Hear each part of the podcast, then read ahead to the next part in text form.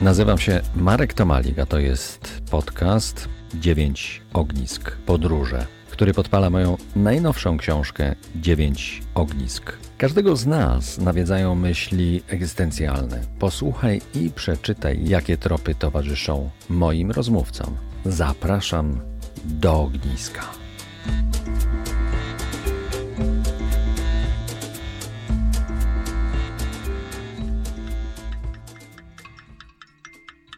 Wyszliśmy od ogniska i wracamy do ogniska. Moim gościem w cyklu podcastów, który nie wiem kiedy się zakończy, jest Adam Murcha, rocket, bushman, mechanik świata i samochodów, śląski Pieron. W poszukiwaniu przygody w wieku 26 lat wyemigrował do Australii. Pierwszy kontakt y, z przygodą to był Ocean Indyjski i kurs płetwonurka. Następnie Adamie, zaprzedałeś duszę pustynią, wdarłeś się w głąb lądu Australii Zachodniej i tam zostawiłeś serce. Kilkuletnia praca dla Western Geophysics w poszukiwaniu pod pokładów ropy i złóż diamentów. I to była tam wielka szkoła jazdy z napędem na cztery koła. To z tego okresu pochodzi twoja ksywa Rocket za szybkość i nieobliczalny charakter.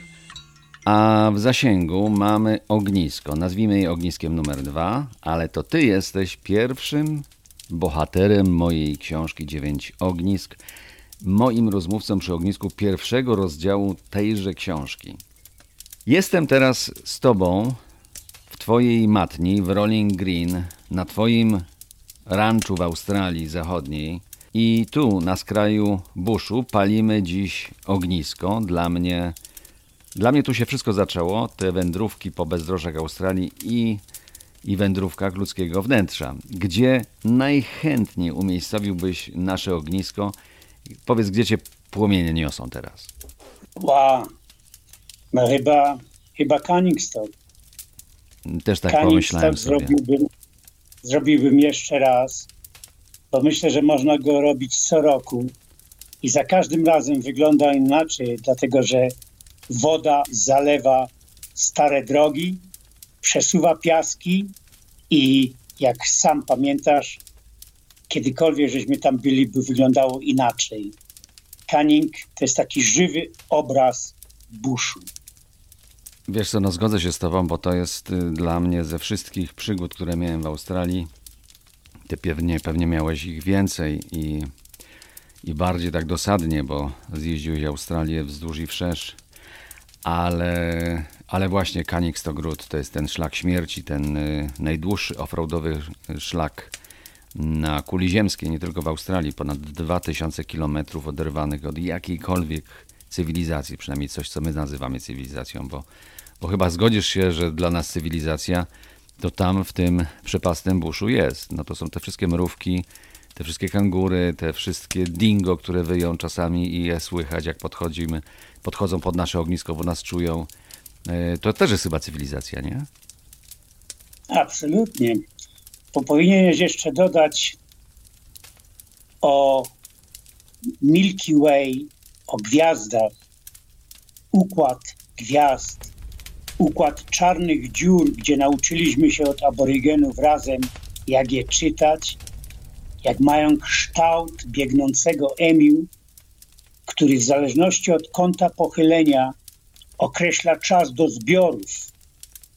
No i tam chyba pierwszy raz ktoś nam tłumaczył, jak patrzeć nie na gwiazdy, ale na przestrzeń pomiędzy gwiazdami, czyli te czarne plamy, które, które mają kształt i określają bardzo ważne kalendarz dla aborygenów i nie tylko.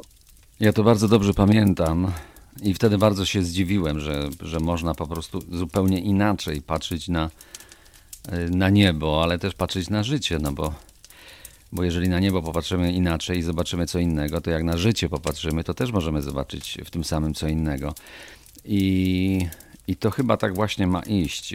I rzeczywiście te nie gwiazdy, tylko te, te plamy między gwiazdami mogą tworzyć też kształty, którymi można się po prostu fantastycznie zachwycać. E, a powiedz mi, czy teraz, e, po tamtych naszych doświadczeniach, Czy, czy ty, ty, ty też tak patrzysz na, na niebo, na gwiazdy, szukając tych czarnych plam, a nie, a nie odwrotnie, znaczy nie tak jak większość ludzi w Europie? Absolutnie tak. Zastanawiałem się nad tym parę dni temu, gdy byłem w buszu na północ od Geraldton. Miałem takiego młodego człowieka z, Hiszpanii, który podróżuje teraz samotnie i miałem okazję jemu pokazać niebo i Milky Way, gdzie już na północ od Geraldton jest to bardzo wyraziste, bo nie ma żadnych odbić świetnych z miast. Jest już całkowita pustka. I wtedy, pokazując mu te plamy i tego emiu, e, zauważyłem, że było to dla mnie ważniejsze niż pokazanie mu Southern Cross, gdzie jest to takim bardzo ważnym elementem u nas na południowej półkuli, takim wskaźnikiem kierunku, takim wyraźnym, no i, i, i ciekawym elementem. Ale Southern Cross oczywiście, że mu pokazałem, ale najpierw zwróciłem mu uwagę, żeby patrzył na to tak, jak nas nauczono. Southern Cross to musimy wyjaśnić. To jest ten krzyż południa. W Polsce, w Europie nie widać tego, bo to jest półkula południowa, południowa hemisfera.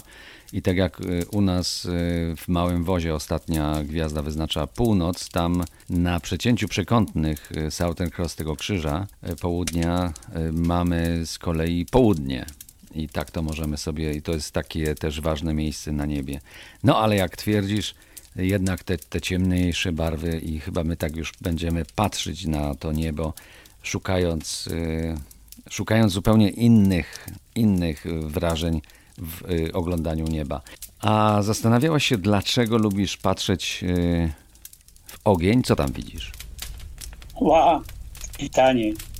To jest pytanie chyba za milion dolarów dla każdego człowieka. Ja, ja nie wiem, czy my mamy na to odpowiedź, ale jest coś w nas zakodowane. Jest to zakodowane od prehistorycznych czasów, że ogień daje nam, daje nam nie tylko ciepło, wyobraźnię, ale w ogniu możemy, możemy się odnaleźć, w płomieniach ognia, możemy, możemy rozwiązać swoje sprawy. On jakoś dziwnie na nas wpływa, ukaja i pozwala, pozwala uruchomić część naszego mózgu albo myślenia czy wyobraźni, którą na co dzień nie możemy poruszyć niczym innym. Ogień ma tą zdolność, gdzie właśnie uruchamia jakiś nasz intelekt, który na co dzień jest mniej lub bardziej używany. Ale wszyscy to mamy. Dzieci, dorośli, kobiety, niezależnie kim jesteśmy.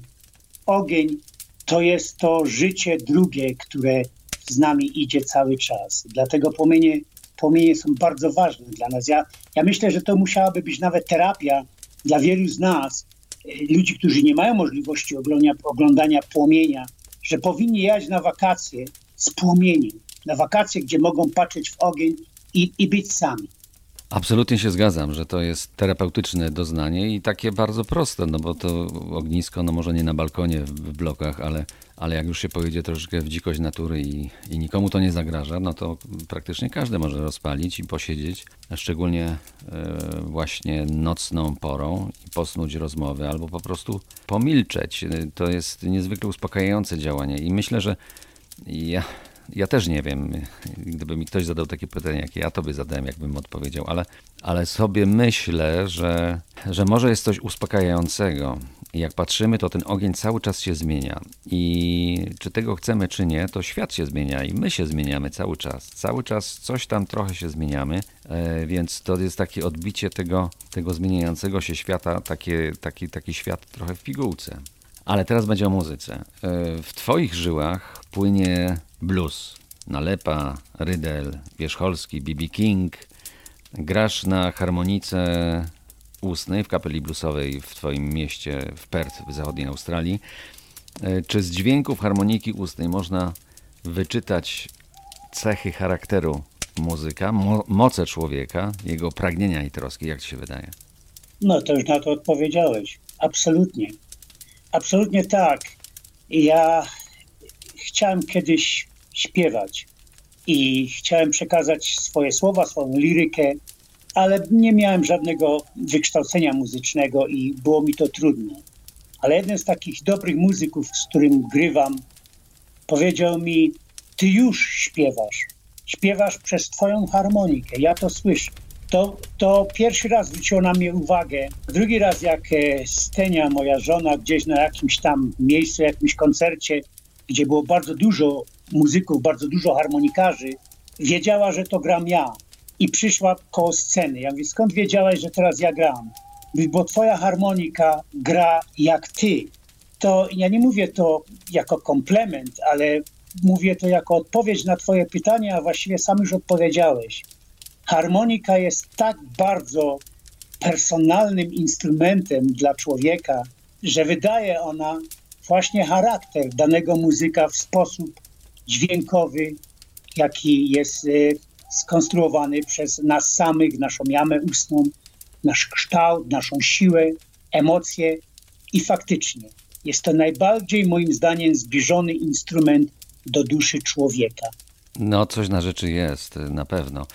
E, mnie się też wydaje, że harmonika to jest jak gdyby przedłużenie języka trochę. To jest taka mowa, chociaż zakodowana w e, dźwiękach i w języku zupełnie, zupełnie innym, ale tam płynie emocja. Powiedz, jak ożeniłeś muzykę z samotnością? Czy w ogóle mogę o to, o, o to zapytać? Wow, to jest oczywiście, że możesz.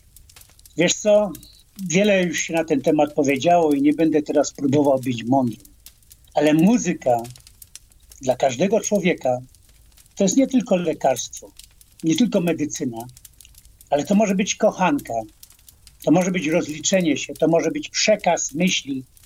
Tak naprawdę muzyka jest najbliższa naszemu sercu, naszemu umysłu i jest ciekawym bardzo zagadnieniem związanym i bardzo personalnym. Także nie mam z tym żadnego problemu. Ja myślę, że że muzyka jest częścią naturalną nas wszystkich. Niektórzy z nas tylko ją nie odkrywają z różnych powodów izolacji, z powodów jakichś zapracowań, za, zaniedbań, ale my wszyscy mamy w sobie muzykę.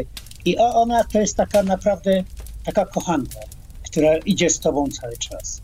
No to jak jesteśmy blisko kochanek i miłości, e, to cię zapytam, e, tak nawiązując do tego, co mm, rozmawialiśmy przy ognisku, notując rozmowę do książki, powiedziałeś mi wtedy, że naprawdę wierzysz w miłość i wolność. Naprawdę wierzysz? Tak, tak. Wierzę o tym, że jest to napisane czarne na białym, gdzieś tam na moich plecach. Chciałem to tak bardzo zadokumentować, tak bardzo zaprotestować. Wiesz co? Wierzę. Ktoś kiedyś mi powiedział, że się pomyliłem, że to są najbardziej niezgodne ze sobą miłość i wolność uczucia i zjawiska ludzkie. Ale ja mimo wszystko wierzę. Wierzę, że miłość i wolność są elementami najważniejszymi, przynajmniej w moim życiu. I najbardziej sobie to cenię.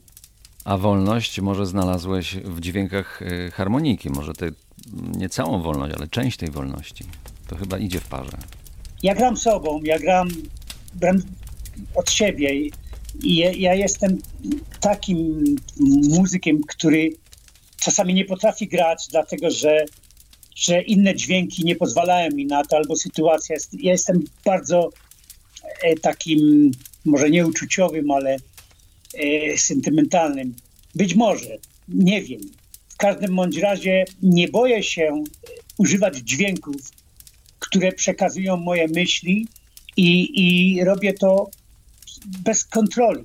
Wiesz, to, to nie jest napisane nigdzie to po prostu wychodzi samo z siebie. Myślę, że, że tak. Dobra, to ruszmy w teren. Y, wyprawa, która zmieniła Twoje życie. Potrafisz się teraz tak na szybko zastanowić, tak od razu, tak bez specjalnych, nie wiem, wycieczek długich, myślowych? Która to była wyprawa? Wiesz co, no, mówiąc generalnie, pierwsza moja wyprawa to była Polska-Australia. Trwała 7 miesięcy. Ogromna wyprawa, ogromna emocja, wielkie marzenia, no i odpowiedzialność. Zabrałem dwoje dzieci, żonę, gdzieś przez jakiś obóz emigracyjny, przez następny obóz do, trafiłem do Australii. To była moja największa wyprawa. Była ona wynikiem różnych elementów, ale między innymi moich dziecięcych marzeń, które zawsze marzyłem, żeby, żeby podróżować, żeby być, żeby zbudować swoją tratwę i nią opłynąć świat. Ładowałem na tą tratwę wszystko, co byłoby mi potrzebne w czasie podróży i w tym temacie zawsze zasypiałem. Nigdy nie wypłynąłem. To był mój sen dziecięcy, który trwał kilka lat. I ta główna wyprawa, najważniejsza w życiu, to była Australia. Ale jak już byłem w Australii, zacząłem poznawać samą Australię. I wiesz co, teraz nie mógłbym powiedzieć, która jest najważniejsza wyprawa. Dlatego, że dla mnie każde wyjście do lasu to jest nowa wyprawa. Każde wyjechanie w burz to jest coś nowego, mimo że już byłem tyle razy. Jest to, jest to, jest każda nowa wyprawa jest moją najlepszą wyprawą. Pięknie powiedziane. Chyba też tak trochę to czuję, ale to doświadczenie, którego zdobywałeś, no przyjechałeś do Australii po, tych, po, tych, po tej trudnej, najtrudniejszej wyprawie, czyli z Polski do Australii i w samej Australii pracowałeś e, survival skill, praca z aborygenami na wielkiej pustyni piaszczystej. W późniejszych latach byłeś organizatorem i uczestnikiem kilkunastu wypraw samochodowych i motocyklowych w australijski interior. Powiedz, co cię tak wyciąga po prostu do tego buszu? To jest to szukanie wolności? Chyba tak. To znowu odpowiedziałeś to za mnie. Ja myślę, że tak. To było ze mną, jest ze mną i pozostaje. Czasami się nad tym zastanawiam, czy mógłbym być w jednym miejscu dłużej niż 6 miesięcy, ale jest to chyba niemożliwe. Jest coś we mnie siedzi, Australijczycy na to mówią itchy feet, swędzące stopy. Jest coś we mnie siedzi, że nazbiera się pewnego momentu, po prostu muszę wyjechać. Nie, nie, nie potrzebuję dużo, wiesz? Ja potrzebuję przespać się dwie noce w słegu, zrobić jedno ognisko, być bez otoczenia, bez otoczenia tej, tej codzienności. I, I jakby jestem gotowy znowu, żeby powrócić do cywilizacji i funkcjonować jak człowiek cywilizowany. Ale, ale wiem, że kiedyś znowu będę musiał opuścić i jechać w burz. No to może i w tobie, i we mnie jest takie, takie prehistoryczne jakieś yy, szamaństwo, no. Bo to jak to inaczej nazwać? Takie po prostu ucieczki, ucieczki do, yy, do świątyń, bo, bo to chyba tak. Yy, ja to tak widzę, że to jest, że to jest ten burz, y, ta dzika natura, ta potrzeba bycia tam, to jest y, taka potrzeba silna duchowa, potrzeba bycia w y, świątyni, która tak naprawdę nie ma, nie ma granic. Ładnie to powiedziałeś. Nigdy się na tym nie zastanawiałem, ale to chyba tak jest. To jest ten nasz kościół, który, w którym musimy pobyć w tej ciszy, w, tej, w tym głuchym środowisku. I wtedy może w nas się wszystko znowu układa i, i znowu chcemy być lepszym człowiekiem i wracamy na te tory, które ktoś ustalił, że mamy iść taką prędkością i mamy to i to robić.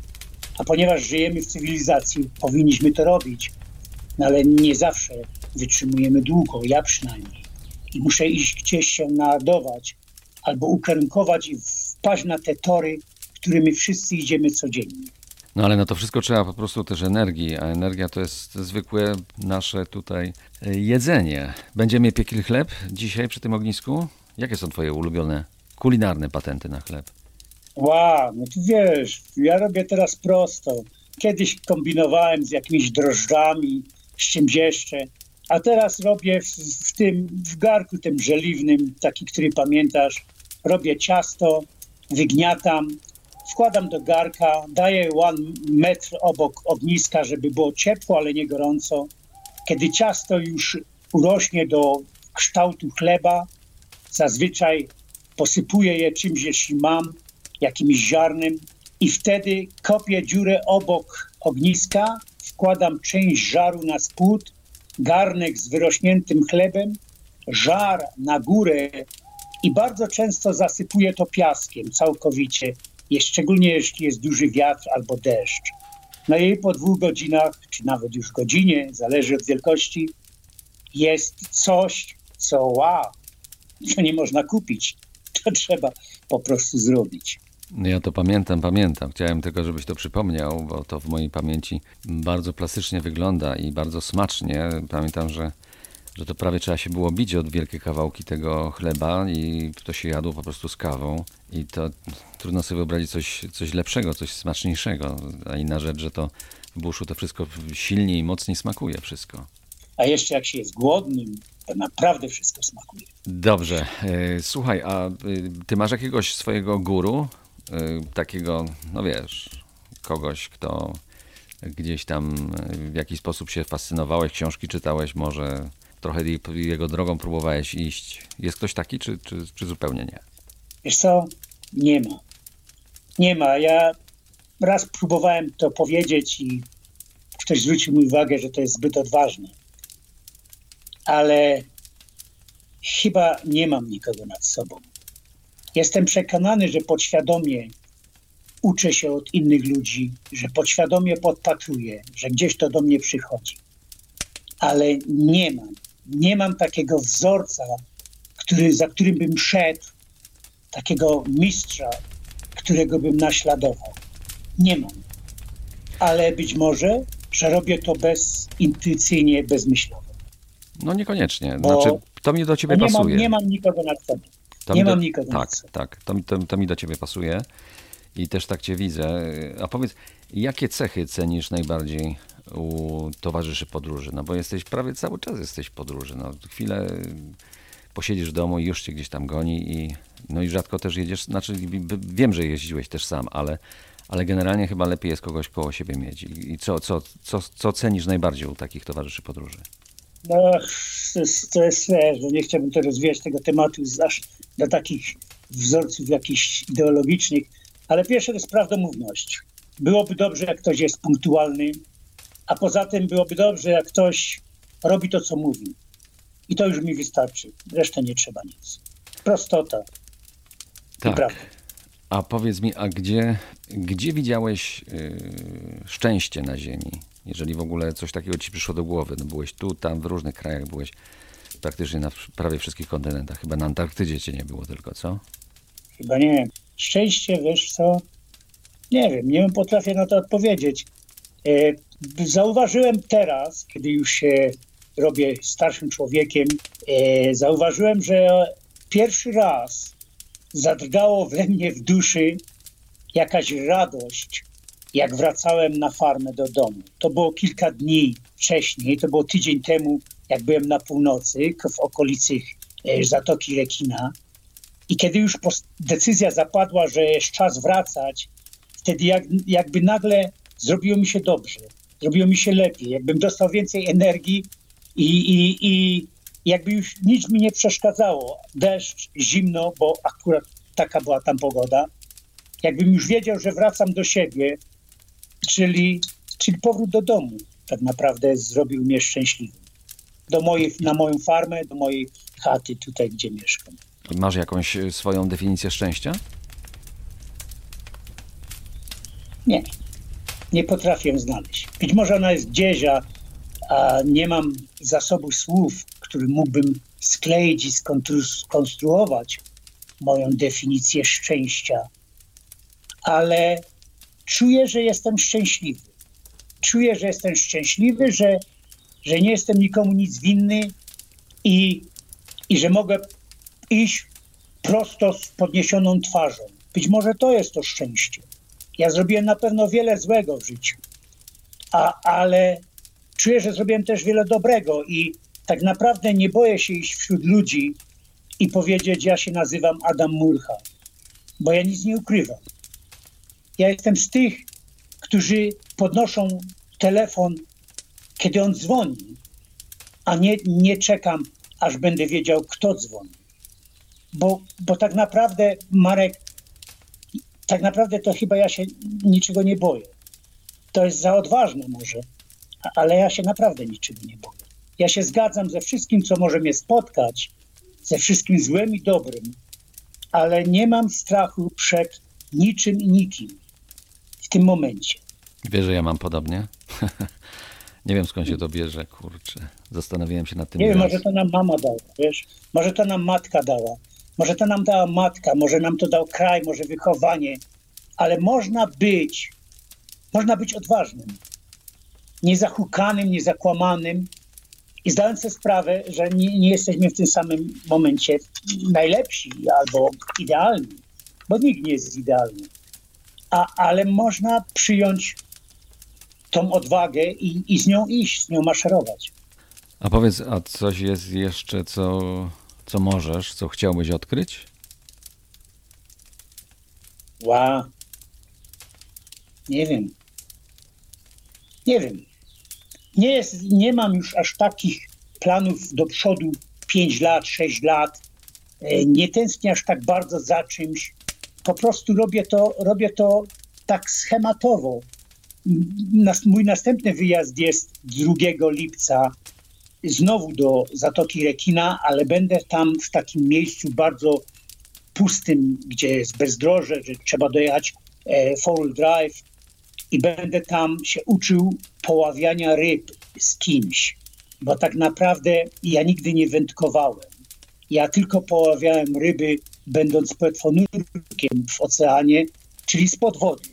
A teraz e, mam już kłopoty z nurkowaniem głębinowym, dlatego że do tego potrzebujesz partnera. Jest bardzo ciężko w moim otoczeniu teraz znaleźć kogoś, kto by ubrał butle i zszedł ze mną na dno. E, więc e, chcę robić troszeczkę w inną formę poławiania ryb. Też te będę. To jest mój taki plan na następne dwa tygodnie, ale takich ogromnych, wielkich planów w tym momencie nie mam. Być może coś mi się, coś mi się przyśni. Powiedziałeś, że niczego się nie boisz. Czy to, to jest tożsame z tym, że, e, że jesteś odważny? Zastanawiałeś się kiedyś nad tym? Ty mi kiedyś powiedziałeś wiele lat temu, ja to do dziś pamiętam. Powiedziałeś mi wiele lat temu gdzieś na pustyni. Powiedziałeś, Adamie, nie myl odwagę z brawurą. To było mądre wtedy, co mi powiedziałeś. Ale ja ciągle nie widzę granicy, gdzie jest odwaga, gdzie brawura. Nie potrafię ją znaleźć. W związku z czym na to pytanie nie potrafię ci do końca odpowiedzieć. Nie wiem, jak się to dzieje, że tak to czuję. No bo to jest bardzo trudne. E, a jest coś, czego nie spróbowałeś? Nawet O, jakieś, na pewno. jakieś, ja- ale jakieś nawet banalne rzeczy. Tak mi teraz przyszło do głowy, żeby Ja się o to zapytać. Jest, będzie wiele rzeczy niespełnionych we mnie. A na pewno będzie wiele rzeczy niespełnionych we mnie, ale zdaję sobie również sprawę z tego, że nie zmarnowałem czasu na to, żeby robić inne rzeczy. I tak naprawdę nie mam do siebie winy za to, że na przykład nie latałem samolotem, nie prowadziłem albo nie latałem na lotni. Być może już tego nigdy nie zrobię, bo to już do tego nie mam y, warunków fizycznych ani wiekowych. Ale, ale wiesz co, nie wiem, nawet nie żałuję tego. Jest okej. Cenię sobie innych, ale no, pogodziłem się z tym. Nie, nie mam problemu żyć. Tak, i powiem Ci, że ja też ostatnio pomyślałem o tym, że, że trzeba się pogodzić z tym, że nie będzie mnie na przykład na Jowiszu. Więc to spokojnie, przyjmijmy to na klatę i nie wszystko dla wszystkich. A powiedz mi, czy podróżnik może, powinien zakładać rodzinę, szukać stałych związków? Wow. Ja nie wyobrażam sobie swojego życia bez rodziny, a wręcz odwrotnie. Uważam, że moja rodzina bardzo pomogła mi w moich podróżach. Szczególnie moja żona, która cierpliwie czekała, kiedy wrócę z południowej Ameryki, kiedy czekała, kiedy wrócę z Tasmanii, gdzie byłem motocyklem. I, i mieć kogoś, kto na ciebie czeka, to jest o, ogromna energia, którą ci daje. To jest coś wspaniałego.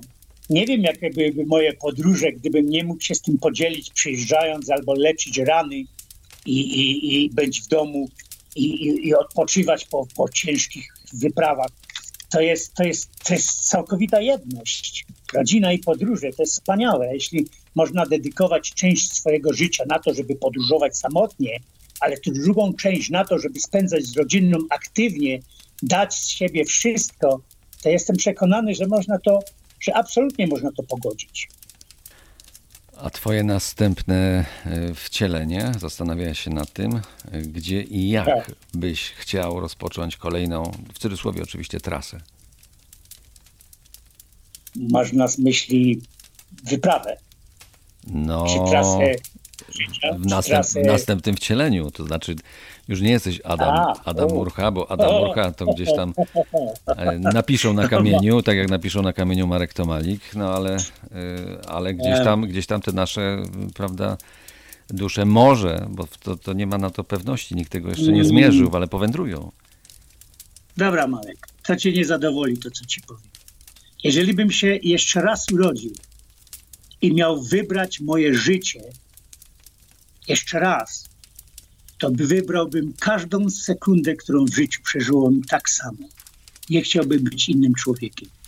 Chciałbym być sobą, takim jakim jestem i robić to, co robiłem. Nie, nie wiem, jak mogłoby być inaczej, ale ja naprawdę niczego nie żałuję. nie było bardzo dobrze dotychczas. I na razie mi jest też dobrze. A jak będzie mi kiedyś źle, to podejmę sam decyzję, co z tym zrobić. No ale co, myślisz, że mnie rozczarowałeś tym? Absolutnie nie.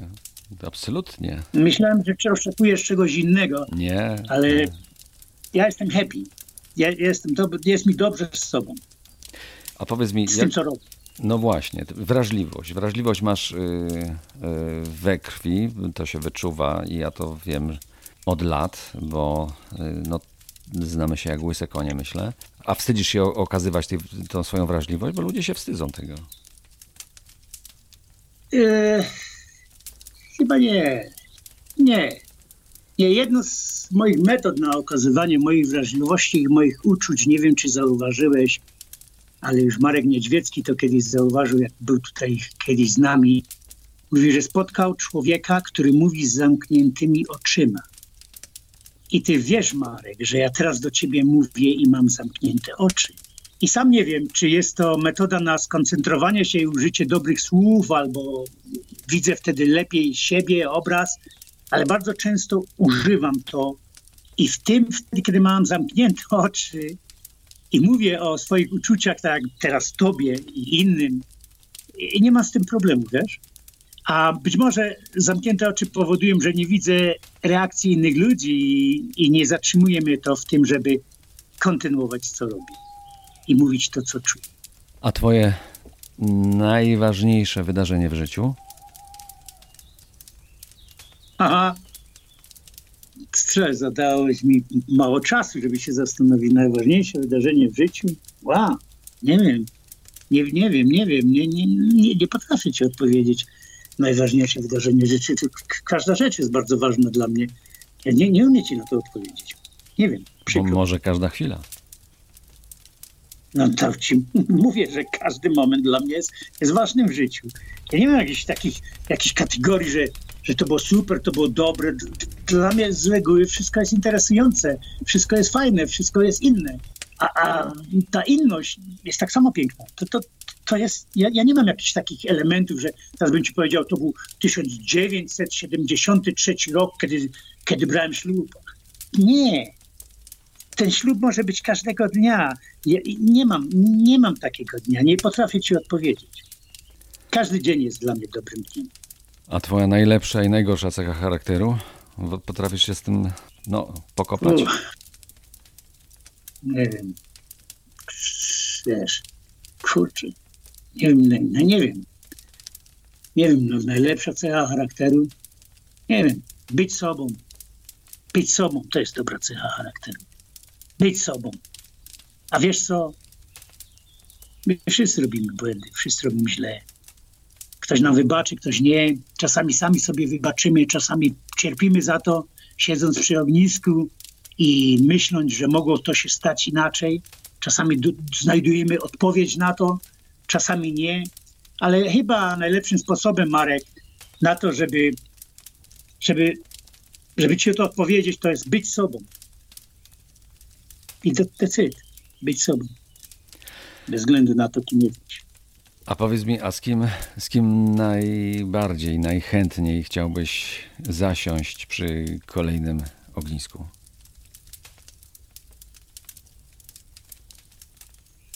Nie umiem powiedzieć imienia, nazwiska, ale z kimś, który by nie mówił, a tym samym byśmy razem rozmawiali.